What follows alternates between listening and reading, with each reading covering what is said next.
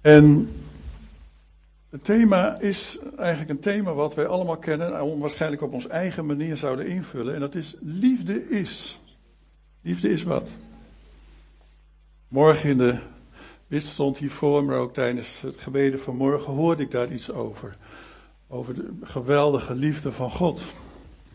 En dat vullen we natuurlijk dan ook heel snel in. Maar ik wil gewoon ook stil blijven staan van hoe kunnen wij als gemeente meer Gods gezin zijn, Gods familie zijn. En, en leren hoe wij uiting kunnen geven aan de liefde van God. Door ons eigen leven heen. Want we hebben dat zelf natuurlijk wel ontvangen, dat is geweldig. Maar hoe kunnen wij daar nu weer opnieuw uiting aan geven? Dat kunnen we natuurlijk wel aardig doen tegen elkaar. En uh, op, zeker op zondagmorgen elkaar een hand geven of een heuk geven. Dat is natuurlijk allemaal heel aardig en lief. Maar is er nog meer mogelijk waarin wij de liefde van God zouden kunnen tonen? En daar wil ik vanmorgen over nadenken. Ik geloof dat liefde een van de fundamenten is van gezin zijn. He, zoals relatie ook een fundament is van gezin zijn. Relatie wordt gevoed ergens door. En ik denk dat het onder andere gevoed wordt door liefde. En wat ben je nou bereid om daar invulling, waartoe ben je bereid om daar invulling aan te geven? Aan die liefde. En ik wil vanmorgen en ook in de komende zondagen, als ik spreek in de gemeente, daar eens verder over door gaan denken met jullie allemaal. De liefde van Jezus voor, voor elkaar, maar ook voor de wereld die Gods liefde niet kent. Ik neem jullie mee naar een uh, tekst, Johannes 13, vers 34 tot 35. Een van de hoofdstukken die, uh, waar ik ontzettend van, veel van hou. Ook zeker Johannes 14, geweldig gedeelte waarin de Heer Jezus zelf spreekt. En ik vind er iets bijzonders aan, aan die woorden van Jezus zelf. De hele Bijbel is Gods woord, maar als Jezus, Gods Zoon, zelf spreekt, vind ik zo direct en zo bijzonder. En hij zegt tegen zijn discipelen, en dat was dus uh, hoofdstuk 13 een beetje kent, dat was het hoofdstuk waar de Heer Jezus Pesach wil vieren. En zijn discipelen dan ook meeneemt naar de bovenzaal. Uh, dat is dat uh, gebeuren waar de, de voeten, hè, ze allemaal vieze voeten hadden. En er was geen slaaf, geen dienstknecht om hun voeten te wassen. Dus de Heer Jezus doet zelf een doek om en begint de voeten van zijn eigen discipelen te wassen. En daarna legt hij ook, probeert hij aan hen uit te leggen dat de betekenis van Pesach eigenlijk ook te maken heeft met wat er met hem gaat gebeuren. Want Pesach heeft te maken met de uittocht uit Egypte, waarin uiteindelijk een van de laatste plagen die God stuurde om, om het hart van de farao te, ver, te vermurwen, uh, was de dood van, van die eerstgeborene. En uh, er moest een lam geslacht worden en het bloed moest aan de deurposten gestreken worden. Nou, dat was dus de de Pesachviering die hij ging vieren met zijn discipelen. Maar daarin legde hij ook gelijk zijn verhaal en zijn toekomst. Zijn plan, wat hij vader, samen met de Vader en de Heilige Geest had bedacht voor de redding van deze wereld. En ze begrepen het nog niet. En ze waren alleen maar met zichzelf bezig. Hij legde toen uit, ook uit dat een van hen hem zou verraden. En, en, en, en, en ook dat een ander hem ja, eigenlijk ook zou, zou verraden. In die zin hem niet zou willen kennen. Lastig hoofdstuk, met een geweldige inhoud. En dan eindigt hij met, dit, met deze twee versen. Ik geef jullie een nieuw gebod. Nou, het oude gebod, dat kenden ze wel, want ze waren natuurlijk Joodse mensen opgevoed met de geboden, verboden, wet van Mozes. Maar zeker ook met het gebod van heb de Heer uw God lief met heel uw hart en met heel uw ziel en met heel uw verstand en met heel uw kracht. Dat, dat kennen ze allemaal, daar waren ze mee opgegroeid. Maar Jezus zei hier tegen hen, ik geef jullie een nieuw gebod. Heb elkaar lief. Zoals ik jullie heb lief gehad. Zo moeten jullie elkaar lief hebben. En aan jullie liefde voor elkaar zal iedereen zien dat jullie mijn leerlingen zijn. Wow. Wat een woorden. Met wat een gewicht. Voor deze discipelen. Zouden ze het onmiddellijk hebben gesnapt wat hij hier bedoeld heeft? Wat zouden zij gehoord hebben in die woorden? Ik geef jullie een nieuw gebod. Heb elkaar lief. En wij, wij nu die de hele Bijbel hebben, wij kunnen dat veel meer plaatsen. Maar zij hoorden dat voor het allereerst. Het was lastig voor hun om direct dat te kunnen plaatsen. Er was toch al een groot gebod, er was toch al een eerste gebod. Heb de Heer uw God lief, maar een nieuw gebod? Waar is dat nou voor nodig, een nieuw gebod? Heb elkaar lief. Zoals ik jullie heb lief gehad. Het eerste gebod ging over heb God lief. Met heel je hart. Met heel je ziel. Met heel je verstand. Met al je kracht. En nu ging het over een nieuw gebod geef ik jullie. Heb elkaar lief. Blijkbaar miste daar dus wel wat in die levens van die discipelen van de Heer Jezus. Dat hij daarover moest hebben. En dat hij daarover moest beginnen. Andere Bijbelgedeelten spreken hier dan later over en die kennen wij dan ook. Dus wij kunnen het veel meer in perspectief plaatsen. Zoals Paulus tegen de Efeziërs zegt in hoofdstuk 5, Efeze 5, vers 1 en 2. Zegt uh, Paulus, volg dus het voorbeeld van God als kinderen die hij lief heeft. En ga de weg, hier ook de apostel Paulus die dat eigenlijk aanbeveelt, ga de weg van de liefde. Zoals Christus, die ons heeft liefgehad en zich voor ons gegeven heeft als offer, als een geurige gave van God. Nou zo kan ik zo een aantal meer teksten, we krijgen nog wel wat teksten langs vandaag, maar ik wil het onderbouwen. Wat ik vanmorgen met jullie te delen heb. Apostel Johannes, die die woorden schreef in Johannes 13, wat we net hebben gelezen. Later in zijn brief schrijft hij er meer over. Johannes 13, uh, in Johannes, 1 Johannes 3, vers 16. 1 Johannes 3, vers 16. Wat liefde is, hebben we geleerd van Hem, van Jezus. Die zijn leven voor ons gegeven heeft. Daarom horen ook wij ons leven te geven voor onze broeders en zusters. Hij geeft hier aan een manier om uiting te geven van de liefde van Christus aan elkaar. Hoe kan ik uiting geven van de liefde van Christus in mij? Ja, natuurlijk. Vriendelijk zijn, aardig zijn. Of is er soms nog meer? Nou, wij hoeven er niet zo heel erg over na te denken, over ons leven moeten geven. Maar er zijn mensen die dat wel geven. Er zijn mensen die het leven laten vanwege de liefde van Christus. En er zijn landen waar het leven genomen wordt van hen, omdat zij de liefde van Christus willen uitdragen. Maar wat zouden die eerste discipelen daar nou van begrepen hebben? Die, van deze woorden, van dat bevel, die opdracht van Jezus, daarboven in die opperkamer waar ze eigenlijk Pesach zouden gaan vieren, zegt hij deze beladen woorden.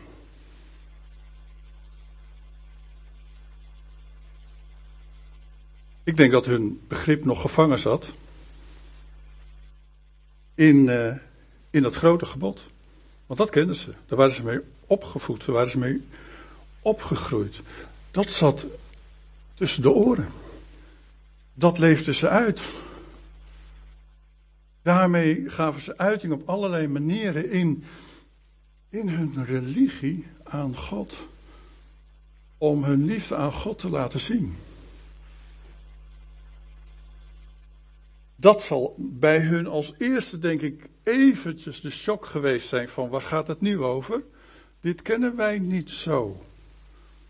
Wel onze liefde naar God toe, ja, dat kennen wij. Heel goed, daar zijn we mee opgegroeid. Maar liefde naar elkaar, dat we Gods gezin zijn, familie zijn, dat we daar uitdrukking kunnen, in kunnen leggen en kunnen geven van Gods liefde voor ons. Hoe dan?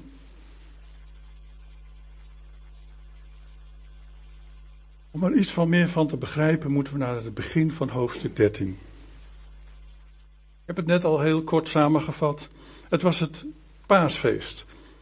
En ook zij gingen dat gewoon vieren zoals het gewend waren, elk jaar. En Jezus zegt van jongens, laten we even een zaaltje regelen, de bovenzaal.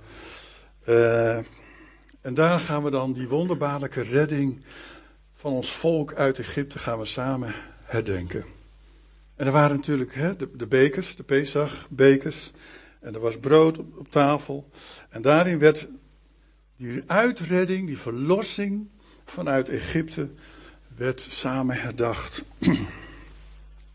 en tegelijkertijd wilde de Heer Jezus in dat gebeuren in die bovenzaal, zoals hij altijd deed, hen ook iets leren vanuit zijn eigen leven. Wat er met hem zou gebeuren. En waarom hij naar deze wereld gekomen was.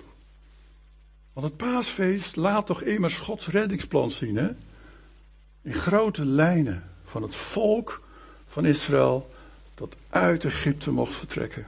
Geweldig. Maar eigenlijk wij later die door het paaslam ons, het lam van God, wat geslacht werd voor onze zonde, verlost werden van de macht van de zonde in ons leven. Amen.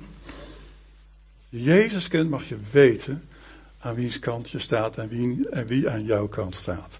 En dat is Jezus. Dan heeft de zonde geen macht meer over ons. Ja, we maken nog wel eens fouten. En het is goed om dat ook te beleiden aan de Heer. Maar Jezus mag alle macht hebben in ons leven. Amen. Wat een geweldig leven is dat. Als je verlost iemand mag zijn. Nou, Jezus had natuurlijk al veel van zijn liefde aan hun getoond.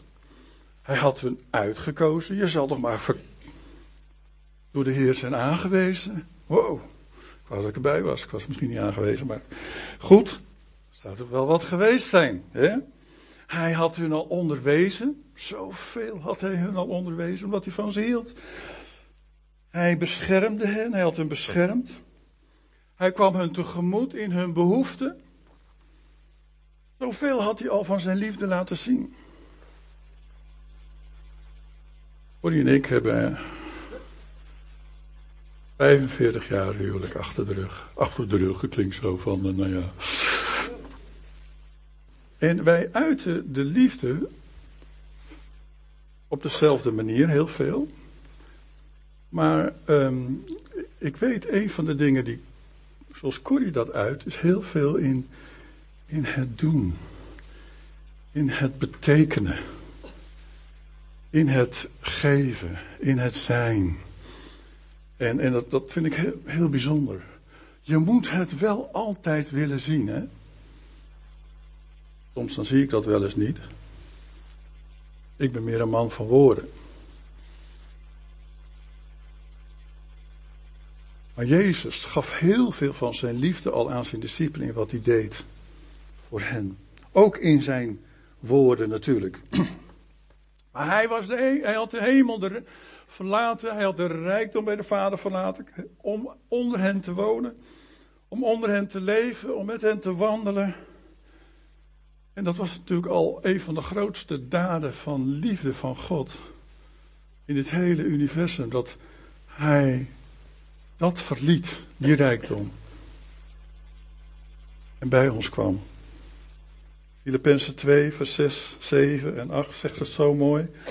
Paulus schrijft er aan de Filippenzen. Hij die de gestalte van God had, Jezus, hield zijn gelijkheid aan God niet vast, maar deed er afstand van. En hij nam de gestalte aan van een slaaf. En werd gelijk aan een mens. En als mens verschenen heeft hij zich vernederd en werd gehoorzaam tot in de dood, de dood aan het kruis. Maar daar begrepen die discipelen nog helemaal niks van in Johannes hoofdstuk 13.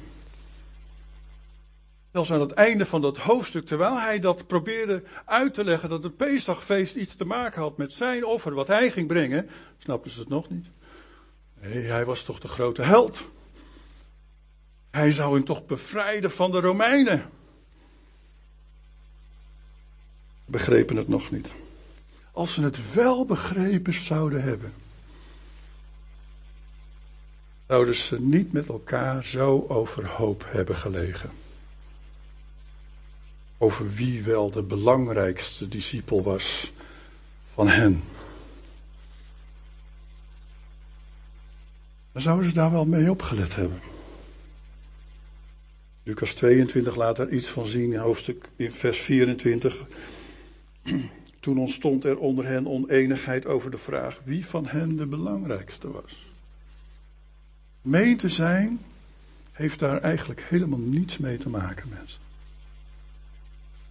Het gaat erom wat wij mogen doen voor elkaar vanuit de liefde van Jezus. En niet om te kijken van uh, wie is er nou geestelijker dan de ander? Wie heeft nou meer van God ontvangen dan de ander? Wie kan meer met zijn borst vooruit lopen? Wie heeft het voor het zeggen? Gemeente zijn heeft te maken met dienen. Met de liefde van Christus aan elkaar laten zien door elkaar te dienen. Jezus was op weg naar het kruis. En zij, en terwijl hij dat uit, probeerde uit te leggen, zaten zij discipelen elkaar te beconcurreren. We hadden het nog niet begrepen. Daarom zei hij die woorden van, ik geef jullie een nieuw gebod. Lief. Heb elkaar op zo'n manier lief. En dien elkaar. Dat andere mensen zullen weten dat je mijn volgelingen bent. Nou, dat betekent niet van ik wil gediend worden. En ik wil eigenlijk helemaal geen andere mensen dienen. Nou, ik heb het niet over jou natuurlijk. Heb ik het wel over mezelf. Of het betekent ook niet, ik wil de eerste zijn. En uh, anderen zijn de laatste. Betekent ook niet, ik ben belangrijker voor God dan anderen. Of ik wil geëerd worden. Ik heb het nodig. Ik, heb. Ah, ik ben voorganger. In plaats van om je heen te kijken, welke andere mensen zou ik kunnen eren? Welke andere mensen zou ik even in het zonnetje kunnen zetten? Dat is gemeente zijn, lieve mensen. Dat is, het, dat is waar Jezus het hier over hebt. Dat betekent niet, ik wil nu wat ik nodig heb. Slimos, ik wil nu een afspraak met u.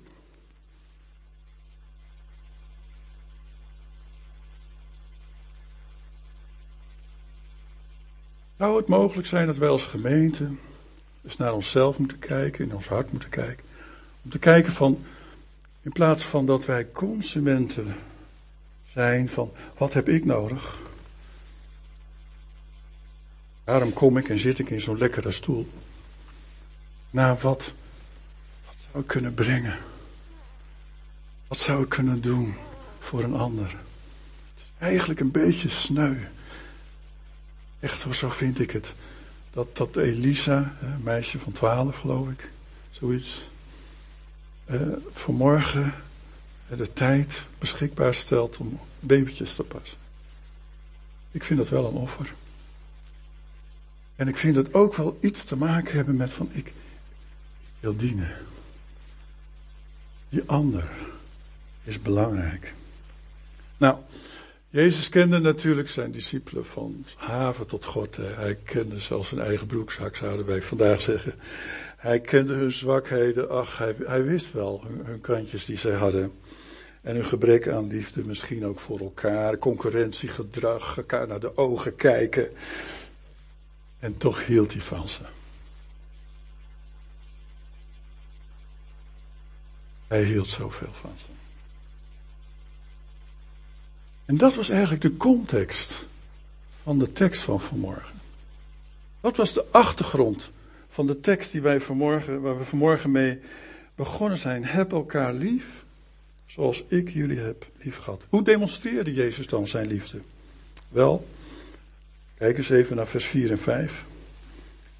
Tijdens die Pesachmaaltijd, Johannes 13, vers 4 en 5, stond de Heer Jezus op.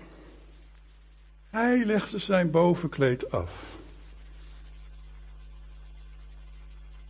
Zijn bovenkleed gaf hem de status van rabbi, wie hij was. Hij legde dat neer, hij legde dat af. Sloeg een linnen, doek om en goot water in een waskom. En hij begon de voeten van zijn leerlingen te wassen, droogde ze af met het doek die hij omgeslagen had. Hij toonde zijn liefde door de taak op zich te nemen van een slaaf. Ze hadden het niet door. Ze hadden. Maar hij demonstreerde eigenlijk waar hij het later over had. Want hun voeten waren natuurlijk erg vuilig en stoffig. Open sandalen, ze liepen vaak te voet. Geen asfalt, geen stoepen. Het was gewoon ja, stoffige paden. En ze liepen daarover. En er was daar natuurlijk wel een bak water. En er was ook een handdoek, want dat hebben we dus ook gelezen. En, ehm, en Jezus nam die gelegenheid om zijn discipelen opnieuw iets te leren. Hij zelf, want eigenlijk zou er een slaaf moeten zijn of een bediende die die voeten van de gasten zouden wassen, maar die was er niet. En Jezus als eerste onder de gelijken werd een slaaf. Om zijn liefde aan hen te demonstreren, te tonen. Later begrepen ze wel dat dat het gedrag was wat hij van hen vroeg. Filippenzen 2, vers 5 tot 7 zegt daarover: Laat onder u de gezindheid heersen die Christus Jezus had. Dat was de gezindheid van Christus Jezus. Hij die, die gestalte van God had, hield zijn gelijkheid aan God niet vast, maar deed er afstand van. Hij nam, hij nam de gestalte aan van een slaaf en hij werd gelijk aan een mens. Wow, wat een demonstratie. Jezus had recht om te zeggen van ik geef jullie een nieuw gebod, heb elkaar lief. Want hij leefde dat voor. Wat was dan de betekenis van die liefde? De betekenis was dat Jezus wilde aantonen het ultieme doel waarvoor hij gekomen was. En Johannes legt het zo mooi uit in het eerste vers van Johannes 13, van het hoofdstuk waar onze tekst uitkomt. In het eerste vers van Johannes 13, daar staat: Hij, Jezus, had de mensen die, die hem in de wereld toebehoorden lief. En zijn liefde voor hen zou tot het uiterste gaan. Niet alleen slaaf zijn, maar zelfs tot in de dood. Jezus kwam om te dienen en niet om gediend te worden. Het is een les over hoe je mag leren liefhebben met de liefde van Christus. Wij denken heel vaak dat het te maken heeft met uh, aardig zijn voor mensen. Toch? Van uh, zondagmorgen, doe je zondagmorgen gezicht op. En dan, uh, hoe gaat het met je broeder? Ja, God zegen. En lief zijn. En in deze gemeente wordt het heel hartelijk gedaan. Niet alleen een hand, krijg je soms ook een huk. nog een hier een huk, nog een huk. Dat is ook nou, geweldig, ik geniet ervan hoor. Voor mij mag het wel. Maar is dat de demonstratie van de liefde van Christus? Die de Heer van ons vraagt om te leren als gemeente? We zijn een gezin, we zijn familie. Ik denk dat het dieper gaat, verder gaat. Elkaar willen dienen. Misschien je eigen trots afleggen. En misschien je eigen belang afleggen. En ook eens een keer Jezus navolgen als het gaat om zo dienstbaar te zijn aan anderen. dat is soms niet zo makkelijk, want joh, ik heb zoveel belangen. Ik heb, uh, ik heb zoveel agenda's. Meer dan één. Ik heb zoveel taken. Niet alleen Zutphen, ook in het land. Oh, ik heb eigenlijk niet zoveel tijd om dat soort simpele dingen te doen. Jezus deed het wel. En daarin gaf hij uiting aan zijn liefde. Hoe kunnen wij meer uiting aan de liefde van Christus geven? Door, door beschikbaar te zijn. Dienstbaar te zijn. Aan elkaar. Misschien ook aan het werk van de Heer. Ik geef jullie een nieuw gebod, Johannes 13. Nog een keer, 34, 35. Heb elkaar lief. Dan komt het. Zoals ik jullie heb lief gehad. En dat had hij getoond, onder andere in de voetwassing. Daar toonde Jezus zijn liefde voor zijn discipelen. Zo, ik doe het jullie voor. Ik heb het jullie voorgedaan. Doe mij gewoon maar na. Doe mij maar na. Dat is liefde geven aan de ander. Tuurlijk, mag ook wel die smile en die handdruk en die knuffel, dat mag allemaal. Maar er is nog zoveel meer wat we voor elkaar zouden kunnen betekenen. En wat de liefde, vanuit de liefde van Christus voortkomt in ons leven. Ik denk dat het voor de discipelen een shockervaring was. Huh? Moeten wij dat dan voor elkaar doen? Petrus ging helemaal uit zijn dak, hè? wilde eerst niet gewassen worden. En toen later wilde hij helemaal gewassen worden. Ja, maar hij ging altijd even over de, over de schreef. Ging altijd eventjes uh, een beetje naar het extreme. Maar goed, daar was hij Petrus voor. Zij waren wel bereid om voor een troon te vechten. Maar niet om een handdoek.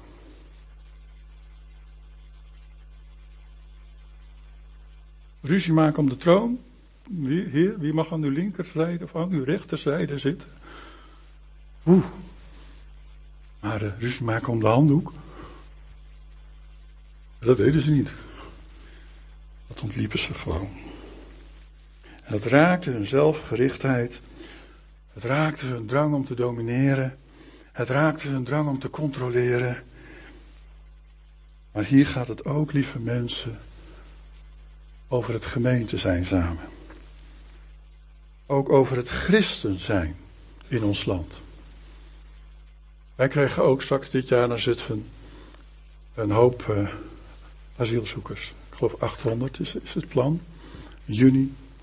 En ik bid dat wij samen als gemeente daar gewoon een zegen voor mogen zijn. Niet omdat we even kunnen laten zien aan die mensen wat zij nodig hebben. Nee. Zij hebben iets wat wij nodig hebben. Ik werk al heel lang met internationale mensen. Afrikanen. In Amsterdam en in heel lang. En ik zal je zeggen. Zij hebben meer te geven dan dat wij aan hen kunnen geven. En ik geloof voor het christen zijn in Nederland dat God er een plan mee heeft om die volkeren voor ons land een grote zegen te laten zijn. Amen. En het is goed om hen te dienen. Wat kunnen we, hoe kunnen we jullie dienen? Hoe kunnen we jullie voeten wassen? Kunnen wij iets voor jullie doen? En um, zij zullen heel veel aan ons te geven hebben. Dit overschrijdt elke culturele en sociale grens. Er zijn broeders en zusters onder. Ik heb zelf gewerkt in een moslimland, tien jaar in Indonesië, grootste moslimland ter wereld. Gelukkig zijn er ook christenen. En de beste houding om, om als je dus met moslims in aanraking komt, is om een houding te hebben in je hart, een dienende houding. Niet een dominerende houding. Maar om hen te winnen alsof zij een broer en een zus zijn.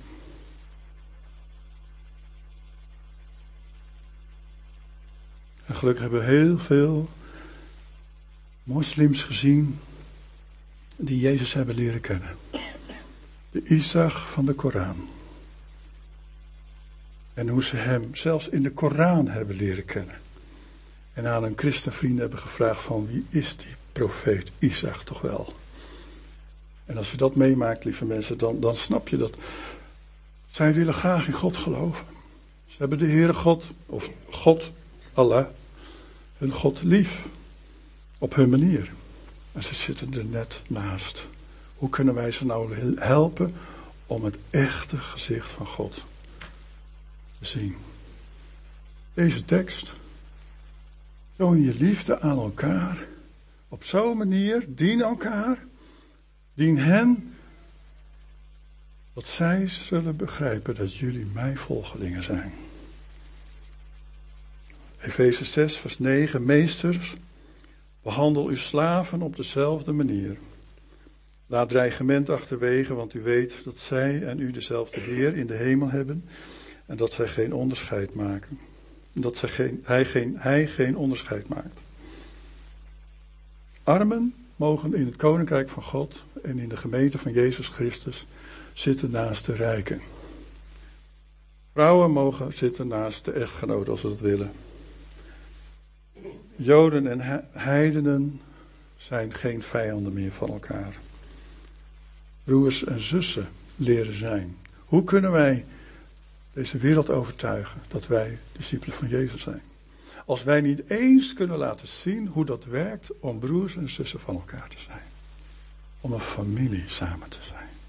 Zou het kunnen, denk je? Nou, jullie kunnen al heel veel hoor, vind ik hier in. En deze gemeente leeft, maar ik heb het echt op mijn hart gekregen om dit toch ook met jullie te delen. Laatste puntje. Liefhebben zoals Jezus lief had. Oh nee, ik kan nog één tekst vergeten. Galaten 3 vers 28, toch maar even laten zien. Galaten 3 vers 28. Anders dan eh, missen we die. Er zijn geen Joden of Grieken meer, slaven of vrijen, mannen of vrouwen. U bent allen één in Christus Jezus. Laatste puntje. Liefhebben zoals Jezus. Hoe zouden we vandaag dus vorm kunnen geven aan elkaar liefhebben? Een korte tijd later sprak Jezus dus die woorden, de volgende woorden in hoofdstuk 15 van Johannes, vers 12 tot 13. Mijn gebod is dat jullie elkaar liefhebben zoals ik jullie heb liefgehad. Er is geen grotere liefde dan je leven te geven voor je vrede, voor je vrienden. Nou, dat vraag ik niet van je, natuurlijk, je leven geven. Hopelijk hoeft dat ook niet. We hebben het al over gehad dat er misschien andere mensen dat wel doen. Maar als dat het ultieme is wat, wat, wat de Heer Jezus van ons vraagt, dan zit er nog heel veel tussen wat we wel zouden kunnen geven. Eet, Misschien geld. En daar praten we nooit zo over in Nederland, maar, maar het zou kunnen. Misschien aandacht. Misschien ook iets opgeven wat luxe is voor jezelf. Voor een ander. Misschien is een ander dus ik op vakantie laten gaan. Ik noem het maar. Ik weet het niet. Maar de Heer wil dat ons duidelijk maken in ons hart hoe wij discipelen van Jezus kunnen zijn en zijn liefde kunnen tonen. Aan elkaar en dan ook aan deze wereld. Weten van snel in al zijn reacties. Johannes 13, hetzelfde hoofdstuk, vers 17. Waarom kan ik u nu niet volgen, Heer? Ik wil mijn leven wel voor u geven. Ah, typisch weer Petrus, hè? heb je weer. Zouden zeggen, heb je weer. Ja, grote, grote woorden. Ik hoop dat ook bij ons het niet bij grote woorden blijft. Onze gemeente heet Leef Zutphen. Met alles erop en eraan. En natuurlijk een geweldig leven in de Heer Jezus Christus. Maar ook zijn liefde voorleven, uitleven. Geven aan anderen op allerlei manieren. Zelfs al is het wassen van de voeten. Nog niet zo lang geleden was ik op het Malieveld. Er werd een viering gedaan uh, over uh, de eenheid. Wij kiezen voor eenheid. Wel eens van gehoord? Zo'n zo bewegingsorganisatie in. En ik was daar uh, samen met uh, Arjan Plezier van de PKN. Samen met Gerard de Korte, bisschop van de Rooms-Katholieke Kerk. En daar gebeurt iets heel bijzonders. Wij weten dat er verschillen zijn, maar we weten ook dat we een aantal dingen samen wel één wel hebben. En dat is Jezus Christus. We hebben daar een aantal jongeren op, een stoel, op stoelen gezet. Op het podium, er waren 3000 mensen, 4000 mensen. En als een beeld, maar ook vanuit ons hart, dat wij eigenlijk voor de jongeren het niet, niet goed genoeg hebben gedaan als kerk in Nederland. Hebben wij hun de voeten gewassen. Weet goed, het was uh, de Korte die met een kan water de voeten van die jongeren, er zaten een stuk of vijftien, overgoot met een kan water. Dat was Arjan Plezier die met een spons je voeten waste. Daar was Peter die met een handdoek de voeten droog te maken. We hebben daar geknield voor de jongeren, want ja, daar, kun je, kun je niet staande doen. Kerkleiders die beleden aan de jongeren van Nederland dat wij een aantal dingen niet goed hadden gedaan. En dat wij hun eerden. En dat zij het, hetgene zullen zijn die meer, zullen laten, meer kunnen laten zien van, van de liefde van Jezus. En uh, Petrus had die waskom natuurlijk ook gezien. En die handdoek ook. Maar uh, blijkbaar trok het hem niet. En blijkbaar trok het die anderen ook niet. Dus zij hebben hun handen daar niet naar uitgestoken. Maar Jezus deed het wel. De sprekers, die woorden zo makkelijk uit. Ik hou van je. Ja, als uh, echtparen hoop ik dat je dat wel. Heb je dat vanmorgen gedaan overigens? Moet je nou wel gauw doen, anders dan uh, komt die preek niet goed hoor. We zeggen het zo makkelijk. En we, we zingen het ook. Ik, heb je lief met de liefde van de Heer. Ken je dat mooie lied? Ik heb je lief met de liefde van de Heer. Ja. Maar hoe komt het nou toch dat uh, daden, als het gaat om de liefde van Christus, naar elkaar toe, hoe komt het nou toch dat het, dat het ons zo vaak zo moeilijk afgaat? Wat nou toch? Wat is dat nou? Misschien kunnen we daar heel even bij stilstaan aan het einde van deze preek. Op welke wijze kunnen we daar nou invulling aan geven? Misschien moeten we eerst ons eigen kleed afleggen. Trots, je neemt het, ik heb het al genoemd. En misschien moeten we dan dat kleed van een dienstknecht leren aantrekken. Gewoon dienen. Gewoon beschikbaar zijn. Gewoon helpen. Waar is het nodig? Jezus, hij hield onvoorwaardelijk van zijn discipelen.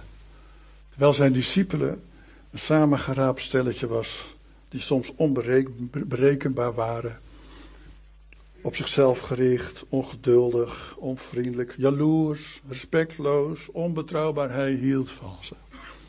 Maakte hem allemaal niet uit. Maar hij wilde ze wel wat leren. En ook de apostel Johannes geeft, daar wil ik mee eindigen, geweldige aanbevelingen hierover. In Johannes 3, vers 18, daar staat, kinderen, we moeten niet lief hebben met de mond, met woorden, maar waarachtig met daden.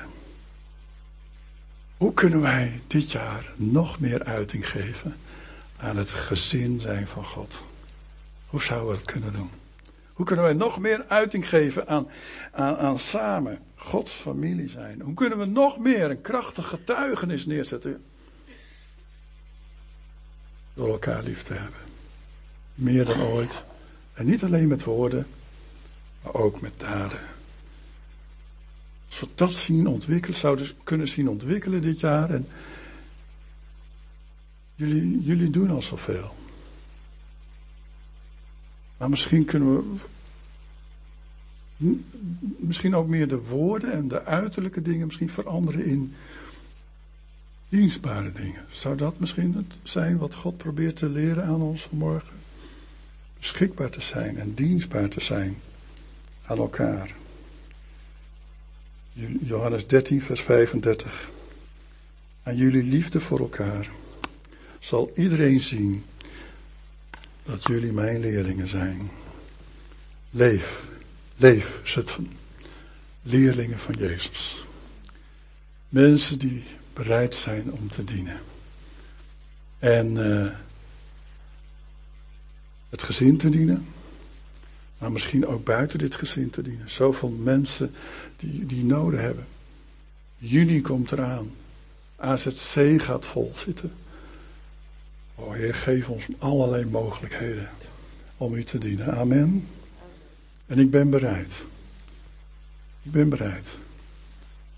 Mijn kleed af te leggen. En het kleed van een slaaf aan te doen. Ik ben bereid om te dienen. En uw liefde te tonen. Praktisch. Zullen we daarvoor kiezen vanmorgen? Wil je met me gaan staan?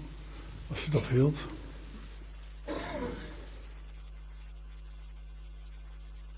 Vader in de hemel, wij komen tot u. Dank u, Heer, dat u zo bijzondere, zulke bijzondere woorden sprak aan uw discipelen.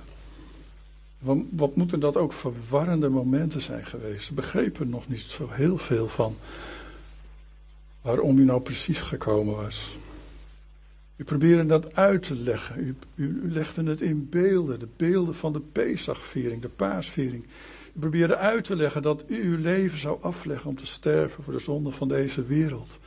Tot uitredding van een ieder die gelooft in uw offer. En heren, ze begrepen het nog niet. Maar later begrepen ze het wel. Heer, toen al die dingen op hen afkwamen, moeilijke, pijnlijke dingen, toen zagen ze. Toen zagen ze wie u was, de zoon van God. En toen u opstond uit de dood, Heren, zij dat geweldige wonder meemaakten, dat u de dood had overwonnen.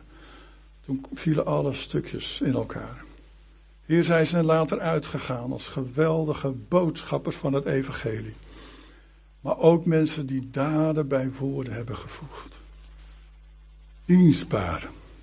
Dienstbaar aan mensen die noden hadden. Die behoefte hadden. Heer, zo willen we als leef hier in Zutphen ook groeien dit komende jaar. Heer, laat ons meer zien. Help ons ook zicht te krijgen op onszelf. En hoe wij mogen groeien in die geweldige dingen van u.